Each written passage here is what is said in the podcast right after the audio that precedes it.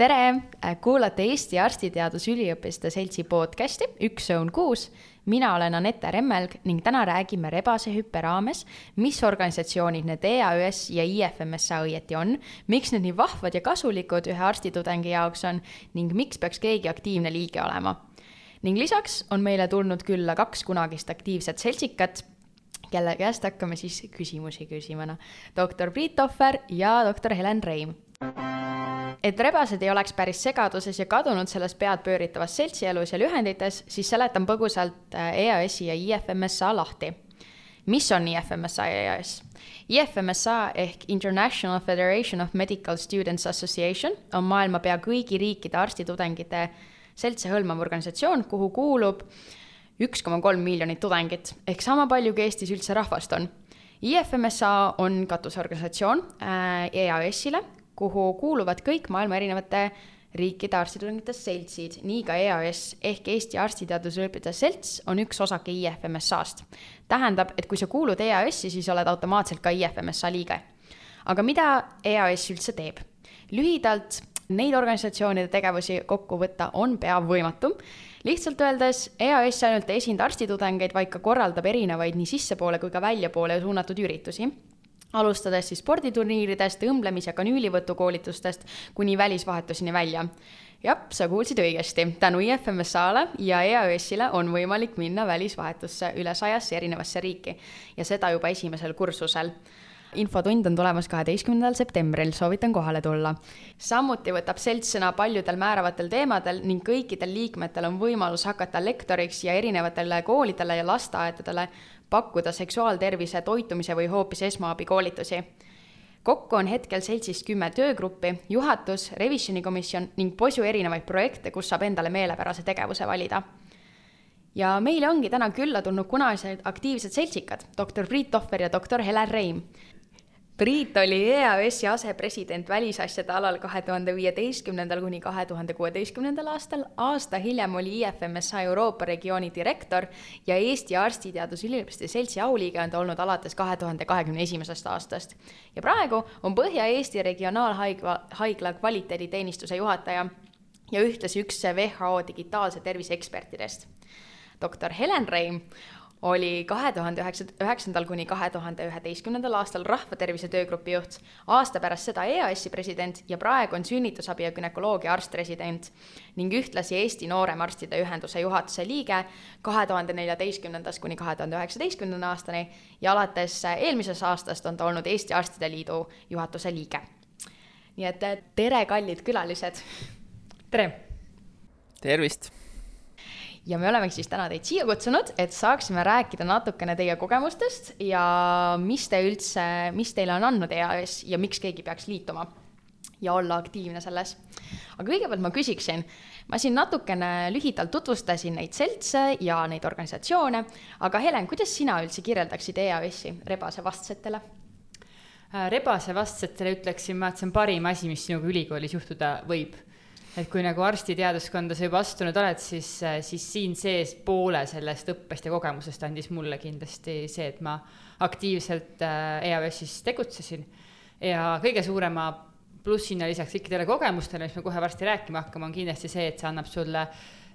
endast kuus aastat vanemate kursusekaaslasteni välja tutvusi kuni, kuni edasi, miinus kuus aastat, kui sa kuuenda aastani oled äh, seltsis, et see tähendab, et kui sa hiljem tööl oled, sul on kaheteistkümne erineva aasta arstide tutvusringkonnas inimesi, kelle käest nõu ja, ja abi küsida, et neid, neid, neid häid, häid kontakte, kellele helistada abi küsida, neid ei ole kunagi liiga palju, nii et ja need ei tule ülikoolist sellisel kujul. nii et, et seda, selles suhtes on EAS parim asi, mida ülikoolis endale, endale kõrvale lisaks sellele võtta, et sa juba arstiteaduskonda tulid. Ma pole vist kunagi nii hea reklaamjutukest varem kuulnud aga ma ausalt öeldes ei vaidle vastu. aga Priit äh,, kuidas sina kirjeldaksid IFMSA-d rebasevastsetele? rebasevastsetele IFMSA-d ähm,? ma arvan, et see on organisatsioon, mida kindlasti ei peaks juba esimesest kursusest peale kartma vaid vastupidi, et selle vastu võiks juba kohe varakult huvi tunda, sellepärast et IFMSA teie vastu tunneb küll väga palju huvi. nagu te ise ütlesite, siis äh, on juba ju esimesest kursusest saadik võimalik käia välisvahetuses ja äh, ja, ja tegelikult mida varem, ma arvan, sa alustad selle rahvusvahelise teekonnaga, seda rohkem sa just tekitad endale ka seda võrgustikku, mida sa hiljem kogu elu väärtustad. et kui Helen rääkis siin, et sul on kõigi kuue aasta kolleegid äh, EAS-i liikmetena, siis samamoodi tegelikult IFMSA-s, et sul on võimalik seda kõike korrutada äh, mitmeid, mitmeid, mitmeid kordi üle maailma. ehk siis noh, minul tänaseni tegelikult ükskõik mis riiki ma lähen, mul suure tõenäosusega ootab seal ees mõni IFMSA kolleeg ja nad on alati väga varmad äh, vastu võtma ja koos tegema asju, olgu see siis, äh, olgu see siis puhtalt lõbuks või olgu see äriks. Tunnistan, et need sõbrad, kelle juures tasuta saab reisida, sööbida, on väga kasulikud. Aga mul on selline küsimus teile, et mis teid üldse tõmbas esimesel kursusel? Äh, seltsi või oli see hiljem kui esimene kursus? ei, minul oli ikka muidugi esimene. ma olen sihuke ontlik viieline tüdruk, kes tuli nagu ikka ülikooli arstiks õppima, et kutsuti, mina läksin, noh, pidi minema ja kutsuti, ma ei tea. et äh, läksime, meid ei olnud tegelikult väga palju oma kursused, kes sellele esimesele tutvustavale õhtule läksime äh,. ja meid äkki oli viis või kuus ja siis äh,, siis tundus ta natuke sihuke nagu, et kõik tunnevad nagu kõiki omavahel, aga, aga natukene kinnine, et mis on tänaseks minu jaoks nagu EAS-i puhul läinud nagu juba, mida ma näen lisaks noh, kõigele muule, aga on niivõrd palju paremaks läinud, on see, et selts on hästi avatud ja hästi lahti kõikidele uutele, et siis natukene meile tundus see nagu salapärane sihuke, natuke nagu sala, salaselts, sihuke supiline salaselts, et, et võib-olla nagu saab ka kuidagi sinna jala ukse vahele ja, ja kuna me olime sellised nagu sõbrannaga koos siuksed äh, nagu heatahtlikud, me tahtsime head teha, sellepärast meilt ka rahvatervis nagu tõmbas, et rahvatervis on nii-öelda hea tegemise projektid olid siis need, mis, mis mind esimesel kursusel paelusid ja kust minul kogu see teekond, teekond pihta hakkas, et, äh, et jaa, sealt. kuidas sinul, Priit ehm,? minu poolest äh, tegelikult, kui ma juba tulin arstiteaduskonda siis ma veits teadsin, et ma tahan EAS-i liikmeks saada, ma tegelikult ei alustanud arstis, ma alustasin ajaloos. ja, ja ma olin siis äh, toona niisuguses noorteorganisatsioonis nagu ISEC. ja ISEC-i kõikide plusside juures, mis mind natuke frustreeris, oli see apoliitilisus või suutmatus võtta sõna ühiskondlikel teemadel ja ma tegelikult juba sel ajal sattusin EAS-i üritustel, mis rääkisid näiteks seksuaaltervisest ja seksuaalõigustest ja see oli juba, mul oli väga positiivne mulje tegelikult, kui ma arstiteaduskonda tulin, aga ma natuke hoidsin nagu kuidagi teadlikult eemale, ma ei tea, miks. ja, ja siis tegelikult äh, mis mind võib-olla lõplikult sisse tõmbas, oli see, kui EAS inimesed käisid esimesel kursusel tutvustamas, et mis asi see selts on. ja siis nad näitasid mulle videot ja ma väga hästi mäletan seda videot, kuidas Kadri Kasak, toonane president, ütles, et väiksena unistasin ma kutsikast. kutsika ma sain nüüd ma unistan palju suuremalt, nüüd ma unistan, et maailma kõige tervemad ja õnnelikumad inimesed oleksid Eestis. ja siis ma mõtlesin, et vot, niisuguse visiooni taha võib minna küll. ja kui me seda visiooni tegime äh,, terve nädalavahetuse, siis äh, hästi palju variante käis veel laualt läbi, need on nüüd saladused, keegi kunagi ei ütle enam, mis need veel olid. aga, aga siis oli see ka, et, et äh,, et oli seltskond, kes ütles, et see on liiga suur on ju, et noh, et see on ju nii nagu maailma kõige tervemad ja kõige õnnelikumad ja kas te nagu teate, kui õnnelikud on taanlased ja kas te teate, kui terved on võib-olla mõned muud inimesed, ma ei tea, Andorra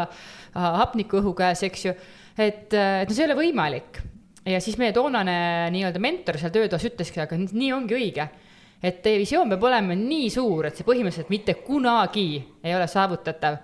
aga see on see, mis nagu teid kõiki liidab ja kõigile ütleb, et me kõik tahame seda teha, aga põhimõtteliselt see, te juba ette teate, et see ei ole saavutatav.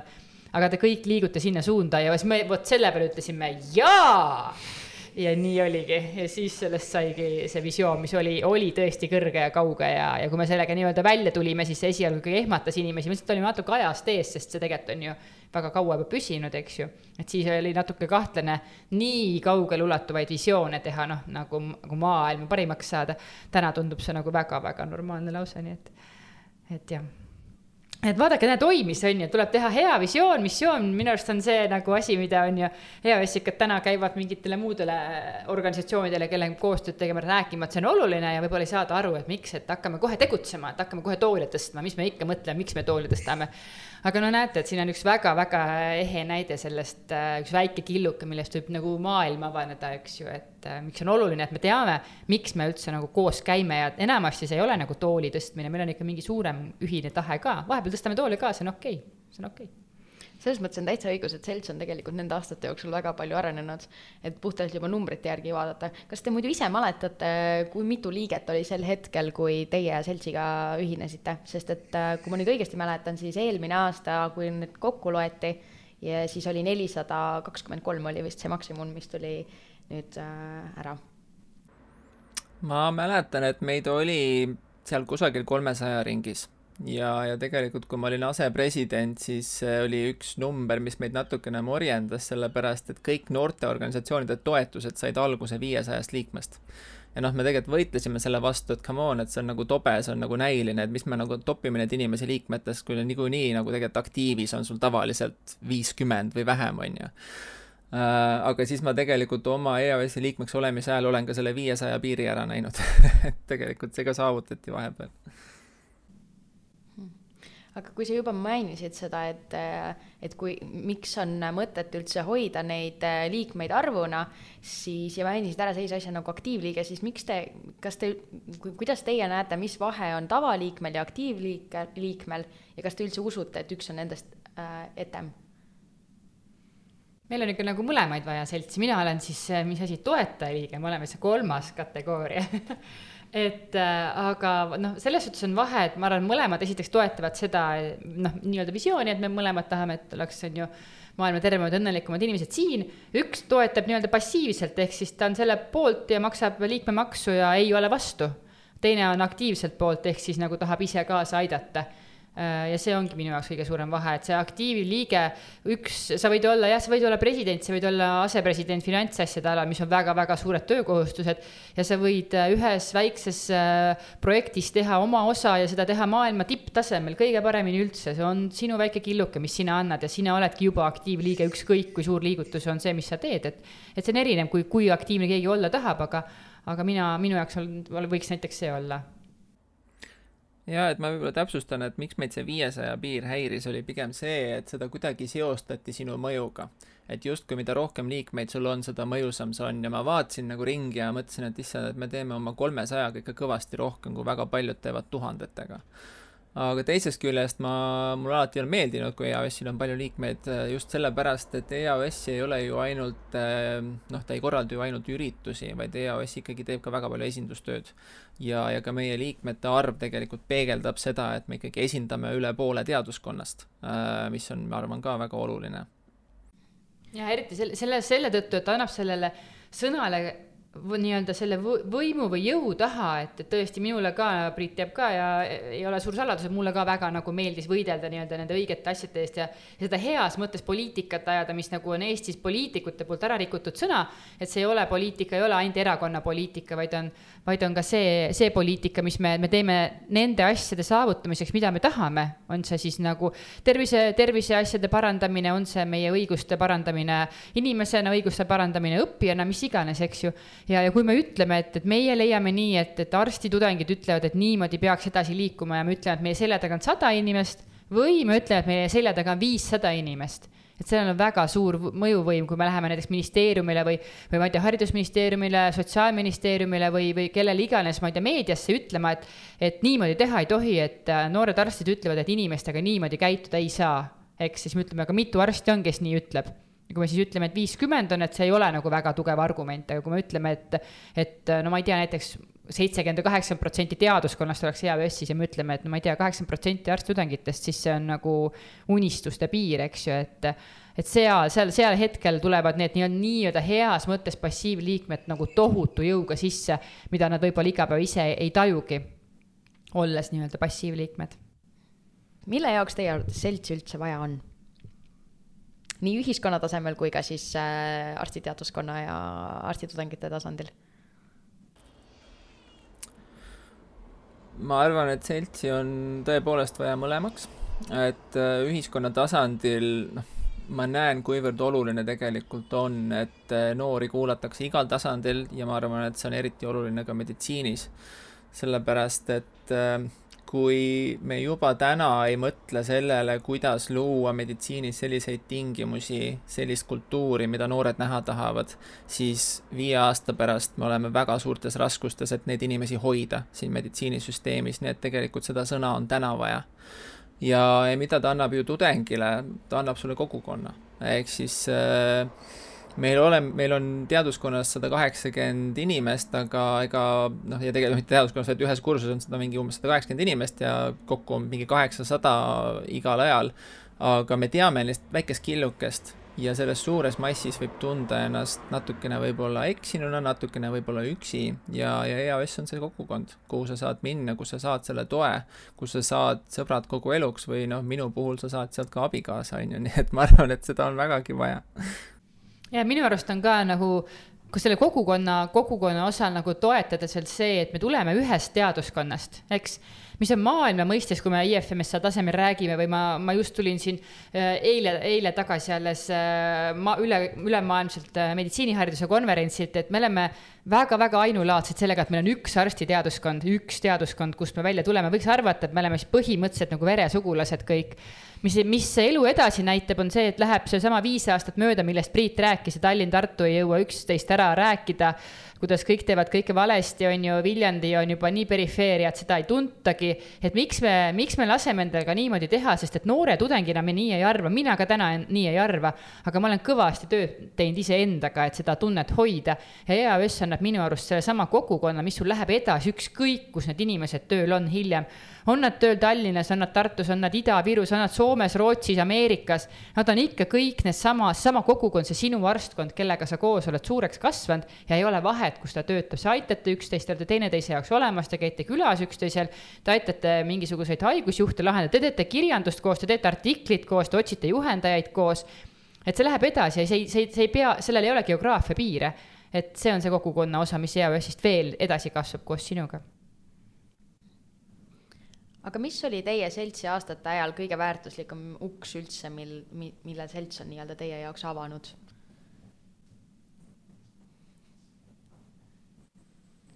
tean, see on keeruline küsimus, neid ilmselt on palju ma ütlen, ma ütlen, et ta on keeruline, sest see ei ole üks uks uh,. ma täiesti nagu siiralt ja liialdamata ütlen, et kogu minu karjääri trajektoor on saanud alguse EAS-ist ehk siis äh,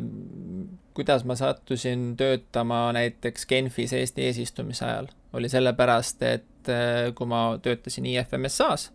äh, Euroopa regiooni direktorina, siis ma puutusin kokku Eesti diplomaatidega ja kui järsku oli Eestil vaja saada niimoodi üleöö tuhat kakssada uut umbes äh, diplomaati slaš nõunikku juurde, on ju, siis nad kohe mõtlesid minule. ja, ja võtsid mu äh, nel-, viienda kursuse arstitudengina sisuliselt noh, diplomaaditööd tegema WHO juurde, on ju. ja miks ma olin IFMSA-s, ma olin IFMSA-s sellepärast, et ma olin EAS-i liige, äh, kes osales äh, rahvusvahelistel üritustel ja, ja paistis seal natukenegi silma, on ju, nii et mind kutsuti nagu kandideerima IFMSA-sse ja kui ma mõtlen näiteks, kui ma kandideerisin praegu äh, kvaliteedijuhi kohale, ehk siis see oli tegelikult minu nagu esimene formaalne juhtimisroll kus mul nagu anti päris oma meeskond. mul ei olnud millelegi viidata oma endise, eelmisest nagu nii-öelda palgalisest karjäärist, kus ma saaksin justkui tõestada, et jah, ma oskan inimesi juhtida. aga mul oli kuus aastat kogemust äh, vabaühenduses, kus ma tegelikult olin juhtinud väga erinevaid meeskondi nii kohalikul kui rahvusvahelisel tasandil, koostanud strateegiaid, loonud ürituste sarju, kõike muud. ja sellele kogemusele tuginedes ma sain enesekindlalt väita, et jah, ma oskan küll meeskonda juhtida lihtsalt jäin kuulama, mida Priit räägib, et äh, ilus on kuulata äh,. tahtsin öelda seda, et äh,, et mina ei, või no ma ütlen kõikidele tudengitele, kes tulevad, et, äh, et EAS ei ole koht, kus nii-öelda hakata, tuled ja mõtled, mis ma siit saan. mina ei tulnud niimoodi nagu EAS-i, ma tulin ikka see tõesti see, see viieline ontlik, ma tahtsin maailma parandada, ma tahtsin nagu to heal the world together, et äh, ja, ja EOS annab selles suhtes nagu selle, selle võimaluse, et tule ja tee siis, eks ju. ja siis see, see, seesama, kui sa küsid, mis ukse ta avab, ta avab selle ukse, mida sa isegi veel ei tea. Ja EAS-is on võimalik välja leida see suund, see uks, mis sinu jaoks see võiks olla, siin on see niivõrd palju mitmekesisem, kui see on arstiteaduskonnas, mis valmistab sind põhiliselt ikkagi ette ainult kliiniliseks arstiks et, et EAS-is saad sa proovida, eks ju, kas sa, kas sa tahad olla näiteks seesama kvaliteedijuht on ju, tahad sa liikuda ministeeriumi suunas, tahad sa mingisugust, ma ei tea, vähemusõiguste eest seista, tahad sa terve, ma ei tea, keskkonnapoliitikat ajada, tahad sa olla arst, kes seisab noorte laste või vanade inimeste eest või, või mis iganes roll arstil tegelikult veel ühiskonnas kanda on ja sa saad EAS-is proovida et muidu sa pead pärast hiljem kõiki töökohti aasta kaupa pidama jube tüütu. et EOS-is saad teha ühe projekti näiteks mingisuguse, on see siis seksuaalteemadega, on see, on see vähemustega, on see, on see lastega või, või vanemate inimestega, vaatad, kas see on see valdkond, kus sa tahad edasi tegutseda, ei ole, okei okay,, järgmine projekt, et järgmist asja, on ju. siis hakkad tegema EOS-i sünnipäeva, saad aru, et sa oled ilgelt hea logistik, ma tean ikka väga mitmeid EAS-i väga häid logistikuid, kes oleks ikka sellel erialal ikka päris läbi löönud. ja siis sa avastad enda jaoks hoopis mingid muud, tuleb välja, et sa oled väga hea halduses, sa oled väga hea inimeste juhtimises, näiteks tuleb välja nagu Priit on ju, ütleb, et see on, see on see kogemus, kus sa tegelikult saad neid heas mõttes turvaliselt nagu testida. me teeme kõik vigu ja see on okei. okay et, et, äh, et me teeme kõik vigu ja me teeme juhtimises ka vigu ja, ja ma tahaks nagu EAS-i kogu perele ja eriti nendele uutele, kes tulevad, öelda, et see on turvaline keskkond nende tegemiseks. et keegi ei lase sind lahti, keegi ei langeta su palka, keegi ei ütle, et hiljem mitte kunagi sind nüüd enam juhtivale positsioonile ei võeta, sest kas te teate, millega ta PERHis hakkama sai, no praegu ikkagi, kui Priit mingi ilge jama kokku keerab, et tegelikult ikkagi nagu kõik saavad teada, no pressure nagu ma ei ütle, noh, aga lihtsalt nagu noh, nii on aga, aga EAS-is saad sa, saad sa selles suhtes testida, proovida, areneda, õppida äh, et kuidas, millist, millist stiili kasutada, mismoodi liikuda edasi, see, see, see annab sulle tõesti, kui sa tuled kohe, sa pead kohe algusest tulema hea tudeng, kes sa nüüd tulid, on ju, siis sul on kuus aastat veel aega. sa tuled alles neljandal kursusel täiesti maha magatud võimalus, on ju, sa saad ainult paar aastat veel testida oma, oma oskusi ja meeskonnatööd, et, et sa isegi võib-olla ei tea, mis, mis uksed su ees kõik, kõik valla tulevad, näiteks mina kasvasin EAS-i presidendiks, et ma ei tulnud nagu selle mõttega, et ma homme astun esimesest korda uksest sisse, ma tahan saada EAS-i presidendiks. aga kui ma rahvatervise töögrupi teisel aastal olin, siis ma tundsin, et ma teisiti ei saa, kui ma pean, sest soov on lihtsalt nii suur. Te olete maininud siin väga palju uhke, uhkeid ametinimesid, me jõudsime lausa PERHini, WHO-ni, presidendid käisid läbi, aga mis, kas te mäletate üldse, mis oli teie esimene väike roll, mis te seltsis tegite? Või esimene väike assistenditöö või esimene ametikohakene. Tuleb teile meelde, sest et noh, kuskilt tuleb alustada. mul vist oli eakate päev. meenutada praegu. Mul vist oli äkki eakate päev, ma arvan, mingi esimene kaisukaru, mul igatahes oli rahva tervis. Ja, ja kas oli kaisu karutamine Midrimaa lasteaias siis siin Vanemuise tänaval äkki, kus me pidime kitli selga panema, see oli nagu päris arst olemine, sellepärast et, sellepärast et ma olin esimesel kursusel, on ju, et ma selle kitliga muidu käisin ainult laibakumis. et äh, või oli siis eakate päev, üks nendest, jah ma arvan, et võib-olla minu esimene asi, mis ma tegin EAS-is ähm,, oli juhtimiskoolitus. et ähm, kuna ma töötasin päris tihedalt juba esimesel kursusel äh, toonase juhatusega, kuna mul oli see ISEC-i kogemus all ja ISEC oli tuntud kui nagu väga hea juhtimisega noorteorganisatsioon, siis ma aitasin nagu mõelda, et kuidas me saaksime EAS-i juhte arendada ja, ja seda toodi korduvalt välja, et kuule, et EAS-is ei ole nagu ühtegi juhtimiskoolitust olnud. ja siis ma hakkasin seda korraldama ja, ja ma mäletan, et minu põhimõte oli, et ma ei taha kutsuda koolit-, ma ei taha kutsuda nagu professionaalseid koolitajaid. ma ei taha kutsuda inimesi, kes nagu lihtsalt on lugenud kusagil juhtimise kohta ja siis väga ilusa koolituse kokku, vaid ma tahan päris juhte kutsuda. ja ma ei taha tervishoiujuhte, ma tahan täiesti erinevatest valdkondadest, ma mäletan, et ma kutsusin Tõnu Runneli, kes on siis nagu tuntud IT-ettevõtja ja Helen Sildna, kes on Tallinn Music Weeki poolt tuntud ja siis mul oli veel Riina Einberg, kes oli toona Zero Turnaroundis ja täna on Boltis. ja ma mäletan, et kõik, kes nagu nõustusid tulema, ütlesid, et ma tulin, sest see oli nii veider, et mingid arstitudengid kutsuvad mind ja ma mäletan veel, et Helen Sildna, kui ta tegi meile oma ettekande, siis ta ütles, et miks mina tulin ma vaatasin teie kodulehekülge ja ma nägin seal sellist visiooni, et maailma kõige tervemad ja õnnelikumad inimesed elavad Eestis ja ma mõtlesin, et selle taha ma tahan küll tulla. Aa, vot, vot, vot, vot, vot, tuleb ikka kõrgelt lennata, on ju, et, et, äh, et jah, et ma võib-olla ühe selle mõtte veel ütleksin siia, siia praegu, mis nagu sobiks hästi, et, et et, et EA, EAS on nagu väga hea koht, kus teha paremaks neid asju, milles sa näed, et on puudujääk, mitte ainult need, et et keegi teeb mingit projekti, too, tule liitu. see on alati nagu õige, nagu või, hea võimalus ja, ja aga et julgustada ka seda, et kui sa, kui sa leiad mingi näiteks probleemi, on see, on see siis tervishoius ja sotsiaalvallas või on see meie õppes, eks ju, et, et tegelikult võiks mingi asi olla teistmoodi, sa mõtled, aga mis nüüd siis mina, mina väike tükikene siin, eks ju et, et kõik on ju selle läbi teinud ja kõik on selle, selle, seda asja niimoodi teinud, et aga muutused hakkavadki tegelikult ühest, ühest inimesest, kes ütleb kõva häälega välja, et teate, et ma olen küll mõelnud, aga mulle tundub, et see asi võiks olla teistmoodi. ja siis tuleb välja, et tegelikult on neid inimesi veel, kes sinuga nõus on, et jaa, et äh, ma olen täiesti nõus sinuga, et mulle ka see ei meeldi või ma tahaks ka seda asja muuta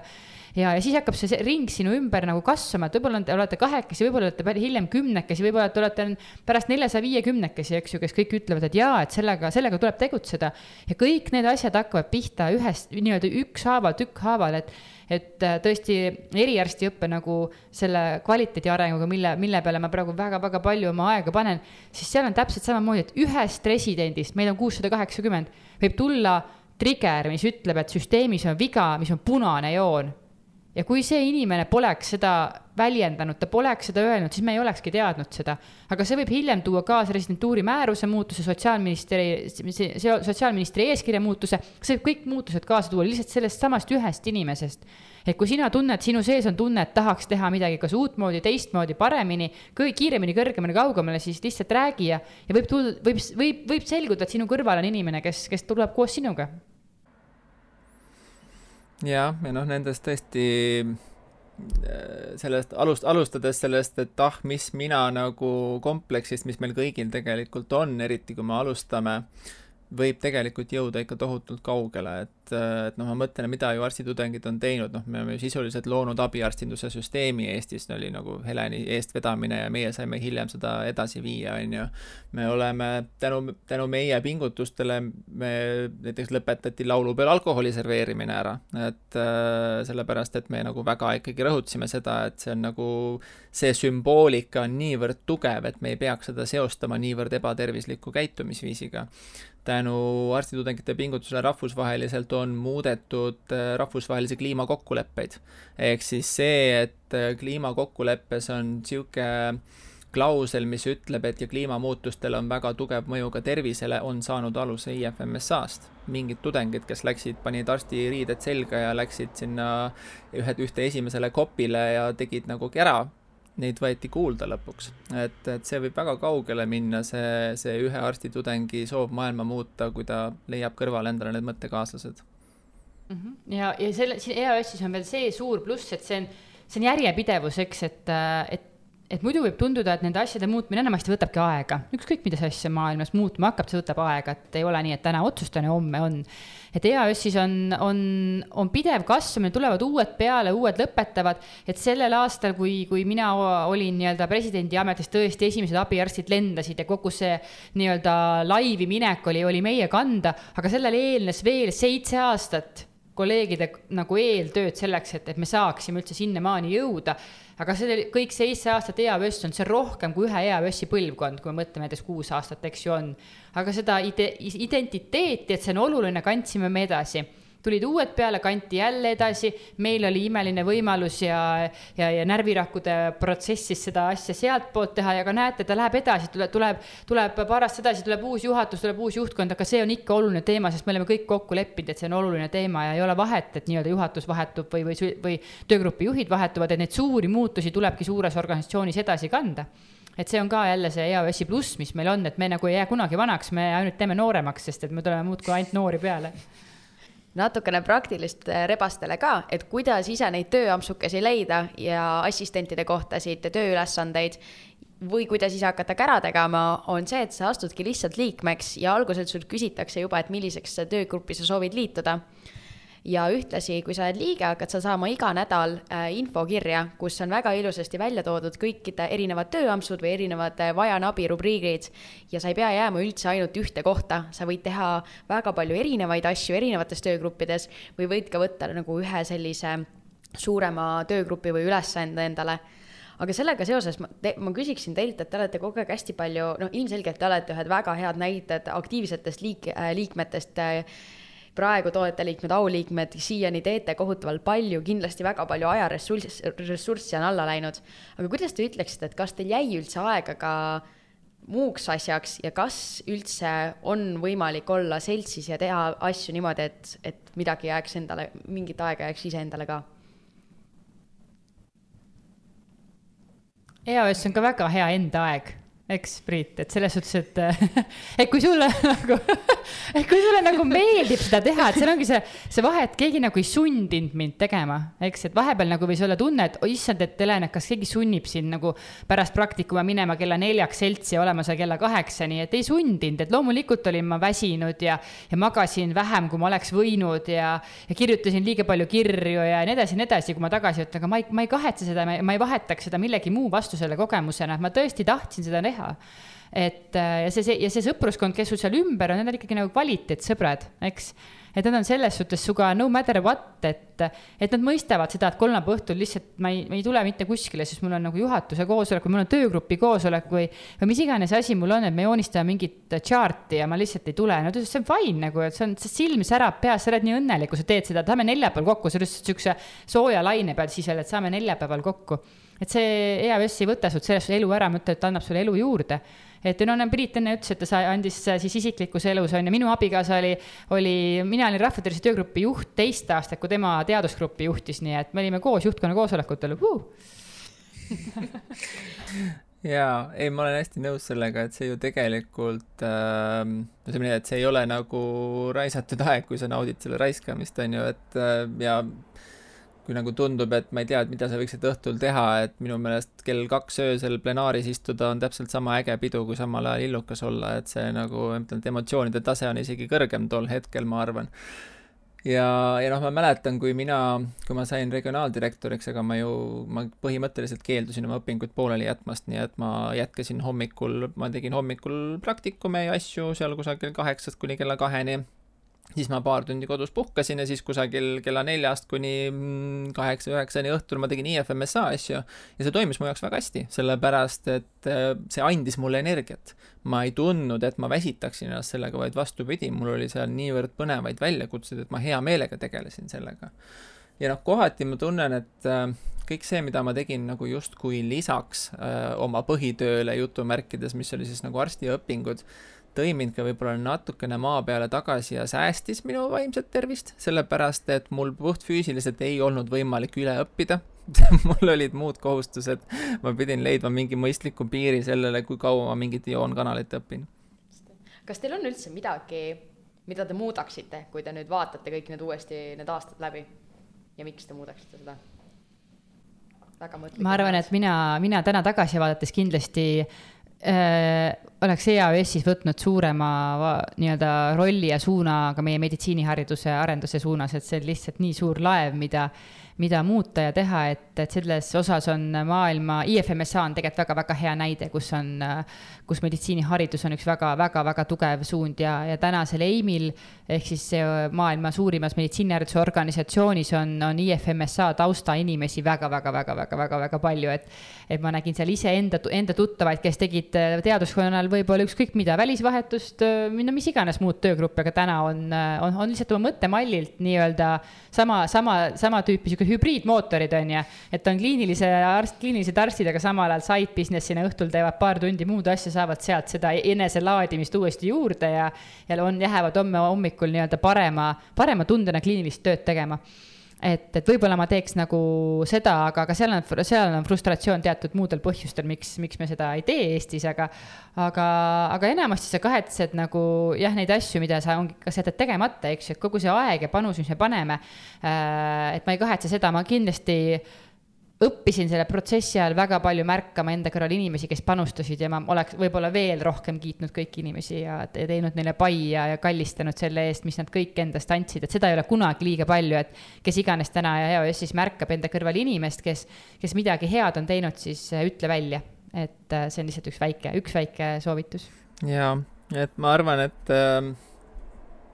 loomulikult täna tagasi vaadates öö, oma kogemusega oleks mingid olukorrad teistmoodi lahendanud, aga tänu sellele, et ma tegin need olukorrad niimoodi, ma tean seda täna ma mäletan oma, oma lõpukõnes EAS-i asepresidendina ühte lauset, et, et kui ma saaks midagi muuta, siis ma veedaks vähem aega tehes ja rohkem aega õpetades, kuidas teha. aga, aga ma just õppisingi selle oma aasta käigus ja, ja noh, täna ma selgelt olen, ma arvan, parem juht, sellepärast ma olen parem teiste arengusse panustaja, sellepärast et ma olen kunagi selle kadalipu läbinud, kus ma üritasin väga palju ise ära teha. nii et äh, on kindlasti asju, mida ma teeks teisiti, aga ma kindlasti ei kahetse, et ma tegin neid nii, nagu ma neid tegin toona, sellepärast see on mind toonud siia.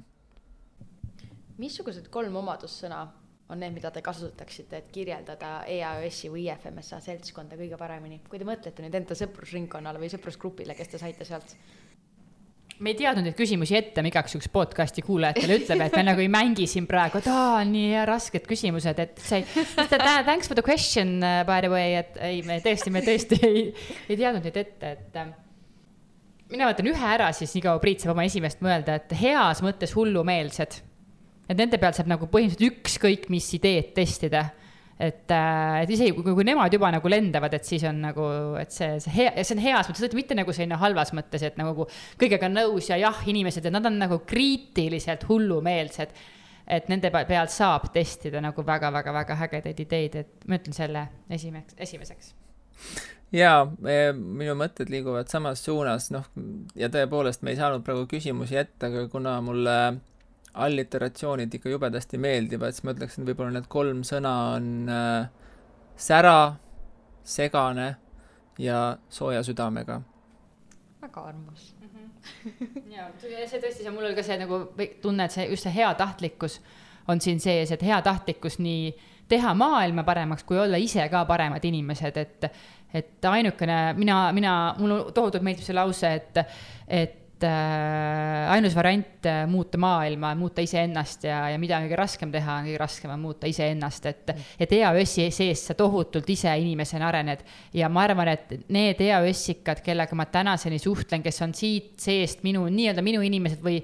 et nad on kõige rohkem arenenud inimesed nagu meditsiini vallas minu ümber, ma näen, et nad on tohutult nagu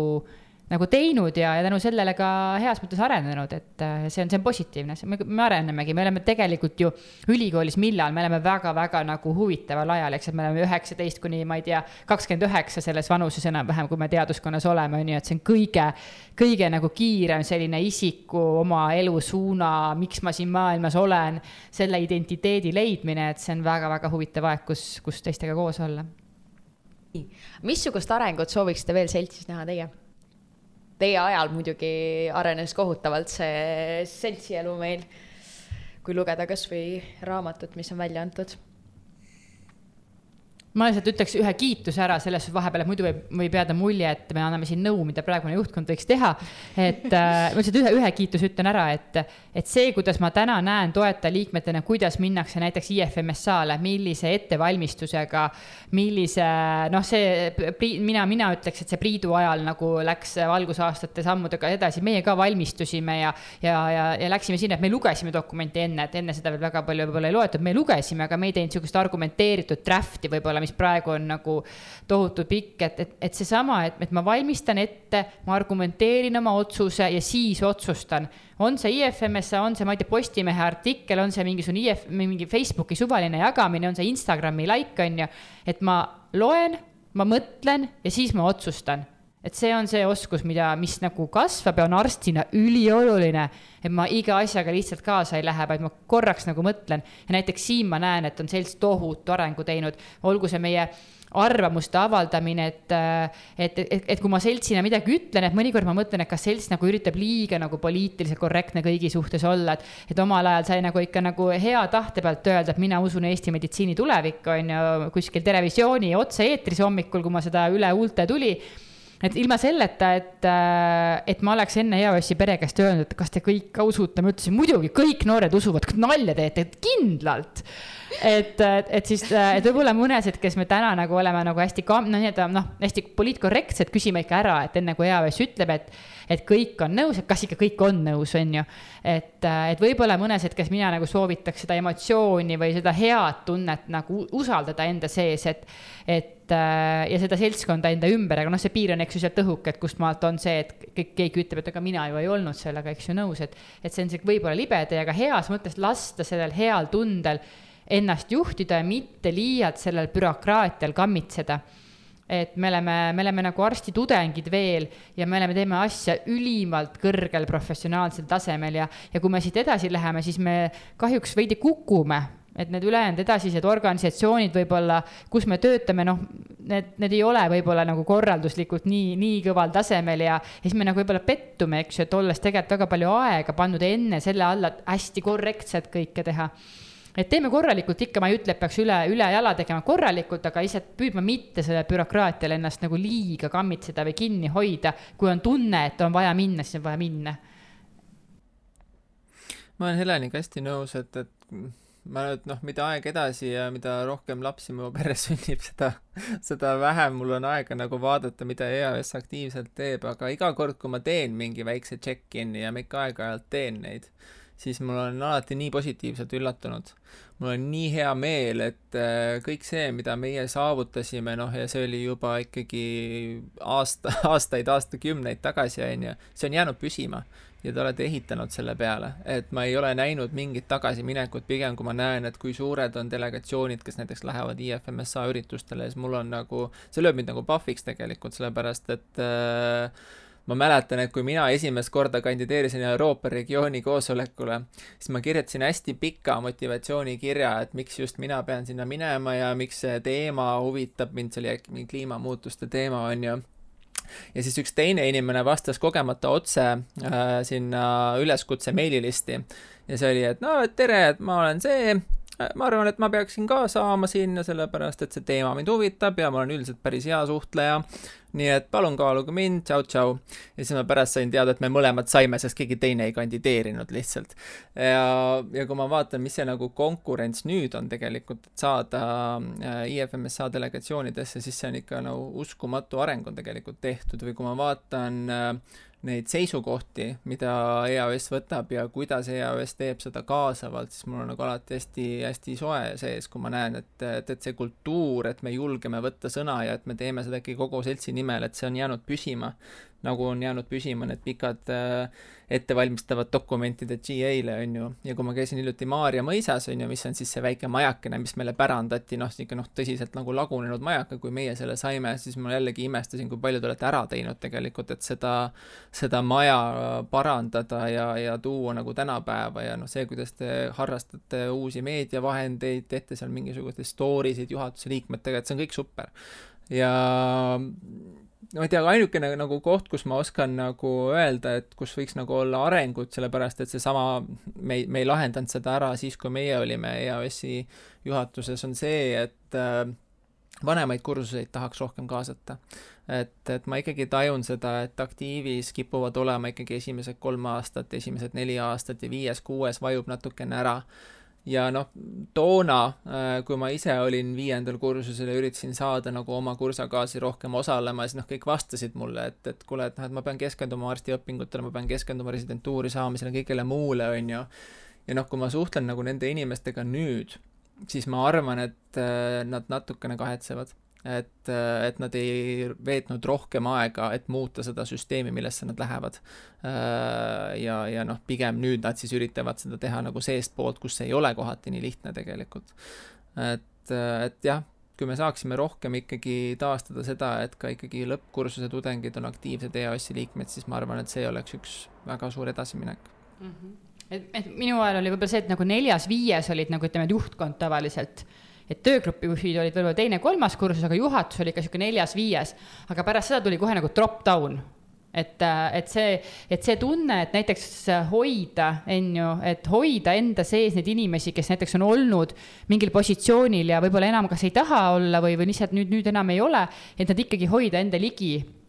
et hoida seda, seda kultuuri ka, mis tegelikult ka edasises töökultuuris on ülioluline. et kui sa oled vahepeal mingisuguse, ma ei tea, teed mingit ravijuhendit ja siis järsku enam ei tee, siis sa oled täpselt sama hea inimene edasi, eks ju, et mis sest, et sa vahepeal hoidsid mingisugust juhtivat positsiooni, siis enam ei, ei hoidnud et, et väärtustada neid samu inimesi, kes meie sees on siin, kui nad juba liitunud on ja märgata neid ka hiljem, eks, et nad oleksid siin meil, eks ju, kauem ja, ja tõesti kuuenda kursuseni. et, et eks see, eks see üksteise hoidmine ja ütlemine, et me oleme koos selle asja sees, lihtsalt seda ei ole kunagi liiga palju et, et see on kindlasti üks variant ja, ja, ja ma arvan, et, et noored, kes te nüüd täna tulite EAS-i, see ongi õige aeg ja õige koht, kus tulla. et, äh, et tulete, ühtegi kohustust ei ole, on ainult võimalused ja, ja hakkate pusima ja vaatama, et kas siin on rada, mis teie jaoks on olemas ja, ja nii ongi. viimane küsimus teile, oleks nüüd natukene väljapool seltsi äh, või noh, tegelikult see hõlmab ilmselt seltsi ka, aga mis oli kõige meeldejäävam seik teile äh, arstiõpingutest nende kuue või rohkema aasta jooksul? või piinlikum Neid variante on lihtsalt nii palju, mis olid nagu säravad et, äh, et see on tõesti keeruline, äh, keeruline küsimus. Me räägime just arstiõpingutest, mitte nii väga, et EAS-is, vaid nagu õpingutest. arstiõpingutest, jah mm. -hmm. Mm -hmm. selle EAS-iga tuleks nagu lihtsalt litiks, on ju, aga aga õpingutega, mismoodi sa sõnastad selle säravam või? jah, kõige meeldejäävam, kõige säravam või kõige piinlikum muidugi piinlikuid asju üritatakse unustada, aga ja mitte edasi rääkida. ja, ja ma jätkuvalt mõtlen mul on ka üks teine küsimus, kui see on natuke liiga keeruline. tead, mulle meenub, ma ikkagi, see on natukene EAS-iga seotud, aga ta on ka seotud õpingutega. et ähm, kui ma olin viiendal aastal, siis ma olin ka juba IFMSA-s ja noh, IFMSA-l on hästi palju igast välislähetusi ja asju ja mis tähendab seda, et ma pidin hästi palju šlikerdama, et pääseda igast praktikumidest ära, et käia, ma ei tea, kusagil Brüsselis või Amsterdamis või mis iganes. ja, ja ma mäletan, et üks aine, kus ma pidin hästi palju ära šlikerdama, oli tervishoiukorraldus ja ma strateegiliselt paigutasin oma tervishoiukorralduse aine sellel ajal, kus ma pidin hästi palju reisima, siis ma mõtlesin, et kiivet mõistab. et kiivet saab aru, et, et see on oluline, mida ma teen, on ju, IFMSA-s ja siis ma äkki olingi äkki vist, äh, praktikum oli äkki vist kümme, kümme päeva ja äkki viis nendest ma puudusin ja siis ma läksin Kiivetiga tegema seda eksamit. Äh, ja siis Kiivetiga istusime maha ja siis ta noh, tal olid igast, tavaliselt tal olid hästi keerulised küsimused umbes, et kui palju kiirabisid Eestis on või mis iganes, onju. ja siis äh, Kiivetiga istusime maha ja siis ta vaatas mulle otsa ja ütles, et äh, kuule, Priit, et äh, räägi mulle, mis me siis ikkagi peaksime selle meditsiiniharidusega peale hakkama et ära nagu selle eksami pärast muretse, et jah, et selle sa oled nagu ära teinud, aga et noh, et räägime nüüd ikkagi, et mida me peaksime tegema, et parem oleks. selliseid eksameid võiks rohkem olla jaa, et see on ka tegelikult võimalus koht, kus meditsiiniharidust muuta et ma ei jäta ka kasutamata võimalust, on ju. et, et neid asju peakski olema meil meditsiinis roh-, rohkem, et me peaks vähem õppima seda, kui palju kiirabisid on või kas, kas ravimit on null koma üks või null koma kaks, sellepärast me saame up to date'ist pärast väga kvaliteetselt vaadata, kas peab olema null koma üks või null koma kaks. aga peame selgeks saama, miks me seda üldse teeme ja, ja, ja, ja mida see, miks meil see üldse vajalik on, et kui me selle selgeks saame, siis, siis doosi õppimine ei ole oluline et, äh, et meil tegelikult ongi see väga õige, et me peamegi niimoodi lahenema, mis me, mis probleem meil on ja mis me selle probleemi lahendamise, lahendamisega, eks ju, teeme. et äh, mulle väga meeldis see lugu. see on nii armas lugu äh, professorist, et ma kohe nagu ei tahagi siia midagi öelda hästi, aga mul on üks küsimus ikkagist veel, vabandust, aga see on alati tore, iga kord, kui ma olen mingil üritusel, kus meil tulevad siis oma ala tipud või aktiivsed inimesed rääkima, kes on nii-öelda palju siis peale arsti äh,, arstiõpinguid äh, saavutanud ja ei ole puhtalt ainult äh, arstid tihtipeale või on siis oma ala tipud, siis mulle meeldib neilt alati küsida, et millised tudengid olite teie kooli ajal, kas te kukkusite mõne eksami läbi? Või olite te puhtalt viielised, nagu arvatakse, et cum laude'd on need kõige mina kukkusin ühe eksami läbi ja ma olen siiamaani vihane selle pärast. sellepärast, et immunoloogia eksami aega kuvati valesti. ja, ja siis mulle kuvati korraga kahte eksami aega, ma olin ühele nendest registreerunud, aga mulle kuvati mõlemat. ja ma arvasin, et ma olen teisele peaks minema. ja siis mul äkki tuli, et mitte ilmunud ja siis ma olin nii pahane selle pärast, sest see tõmbas mu keskmist korralikult alla. aga, aga noh, siis ma tegin selle eksami uuesti sel ajal, kui ma arvasin, et ma pean selle eksami tegema ja ma sain selle pagana aga ma olen siiamaani pahane selle peale. jah, ma olin pigem ikkagi oivik tudeng. ja ei, mina ka õppisin ja mina ei kukkunud ühtegi eksamit läbi. aga, aga aga cum laude ma ei, ei lõpetanud, et selles suhtes ma, aga ma olin ikka tubli selles suhtes, aga õppisin usinalt ja et see on pigem ikka selline noh, massohistlik veidi, on ju, et et palju, palju eavesti asju ja palju õppimist ja selline kuus aastat ikka sihuke korralikku bootcamp'i, et et, et vahepeal ma nagu mõtlesin, et, et eriti kui meie aasta, meil oli veel natuke teistmoodi, et meil oli neljandal aastal oligi nii, et kell kaksteist sai päev läbi ja siis läksid koju ära nagu kursusekaaslased ei olnud kahte praktikumi nagu, või noh, kahte teemat päevas ja ja, ja mina läksin siis nii-öelda EAS-i asju tegema ja, ja tegin neid siis kuni õhtuni ja, hommikul tulin uuesti praktikumi ja enamasti, kui hommikul praktikumi tulla, siis mul olid kõik praksi asjad ka tehtud ja loetud ja. ja need, kes kaheteistkümnest alates olid siis nii-öelda vabad ja vabad ja vallalised olnud, on ju, tegelikult ma ei tea, kas need vallalised olid, aga. vabad olid olnud, siis, siis neil oli võib-olla nagu mõni asi tegemata ka veel, et. et selles suhtes nagu ikka tohutu enesepiitsutamine, et võib-olla piitsutaks mõnes kohas nagu vähem, aga siis ei teadnud ka, mis kohta nagu võib vähem nagu ja, ja milles, milles, milles võib-olla rohkem, et eks seda võib-olla sai nagu kõvasti tehtud, aga, aga ikka sihuke, sihuke korralik jah patsiga korralik. enamasti need inimesed jõuavad kõige rohkem, neil on tegelikult kõige rohkem vaba aega, kes kõige rohkem teevad. nii et selles mm. mõttes. kuskilt see aeg tuleb, see aeg on sihuke plastiline, et meil mm. kuidagi nagu tundub ka oma edasises elus me nagu vahepeal peitume selle taha, et meil ei ole aega no küsimus on, et mille jaoks sul aega ei ole, et kui, kui siis sellele inimesele, kes ütleb, et mul aega ei ole, lugeda ette võib-olla, ma ei tea, kolm asja, mida ta nagu terve elu on unistanud teha, siis trust me, ta leiab selle aja. et, äh, et kui me nimetame sinna, ma ei tea, mul on siin üks katusebassein pakkuda mingi äh, sumeda valgusega, et tahad tulla, oo oh, jaa, jaa, mul kindlalt leian aja. et, et küsimus on tegelikult lihtsalt selles motivatsioonis, et aeg on ikkagi natuke plastiline. et äh, jah kohta. Äh, ühesõnaga, mul on üks hea lugu rääkida EAS-ist veel, et mul oli võimalus Terevisioonis käia paar korda hommikuti rääkimas, et äh, kuidas ikka arstitudengid seda maailma siis paremaks teevad, et äh, paaril korral kuidagi juhtusid sellised teemad, et kas miks arst on oluline olla ja mis on arsti ja patsiendi vaheline suhe ja, ja kuida-, kuidas seda Eesti tervishoidu ikka terveks teha ja siuksed suured teemad ja, ja siis meid kutsuti ja ma mäletan ühel hommikul, kui ma olin siis seal seitse null null seal Krimmi toolis ja siis seitse kaksteist seal otse-eetris, et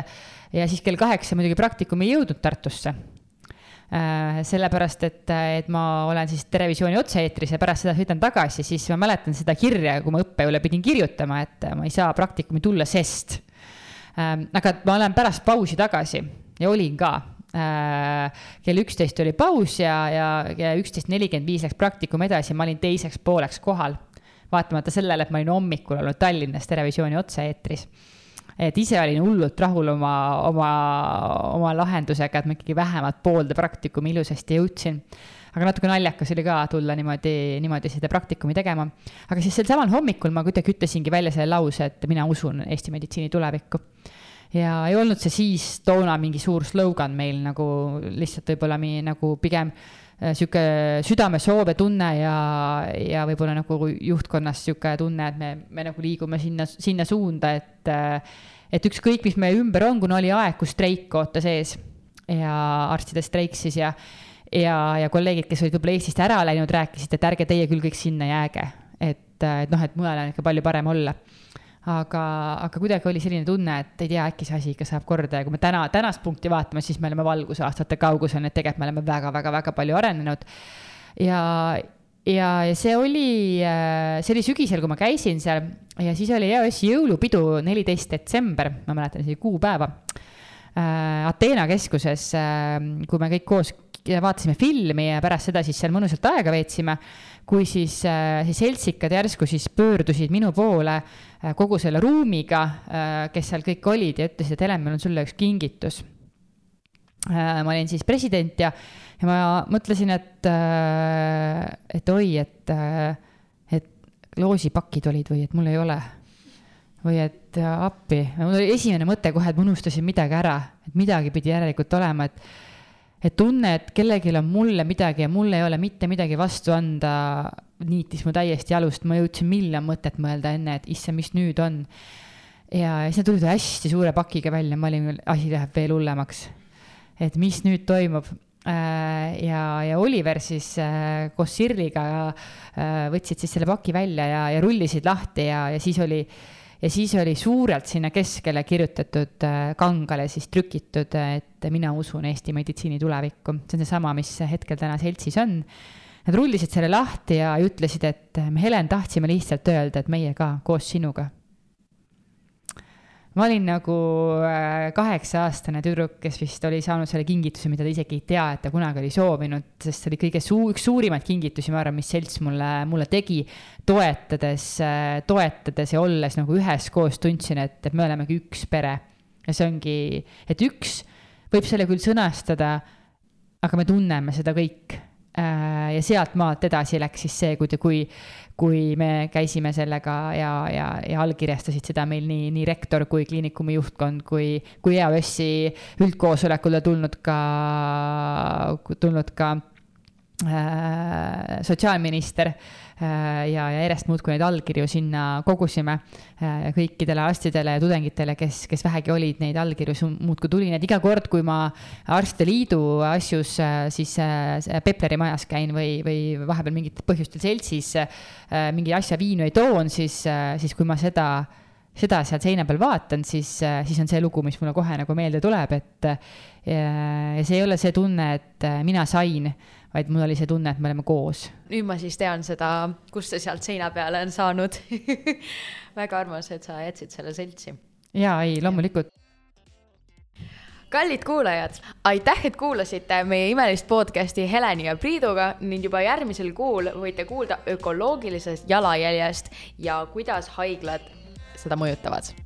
ja suur aitäh äh, doktor Priit Ohverile ja Helen Reimile, et te täna tulite siia meiega vestlema head aega! head aega, tšau, tšau! nii, nunnu!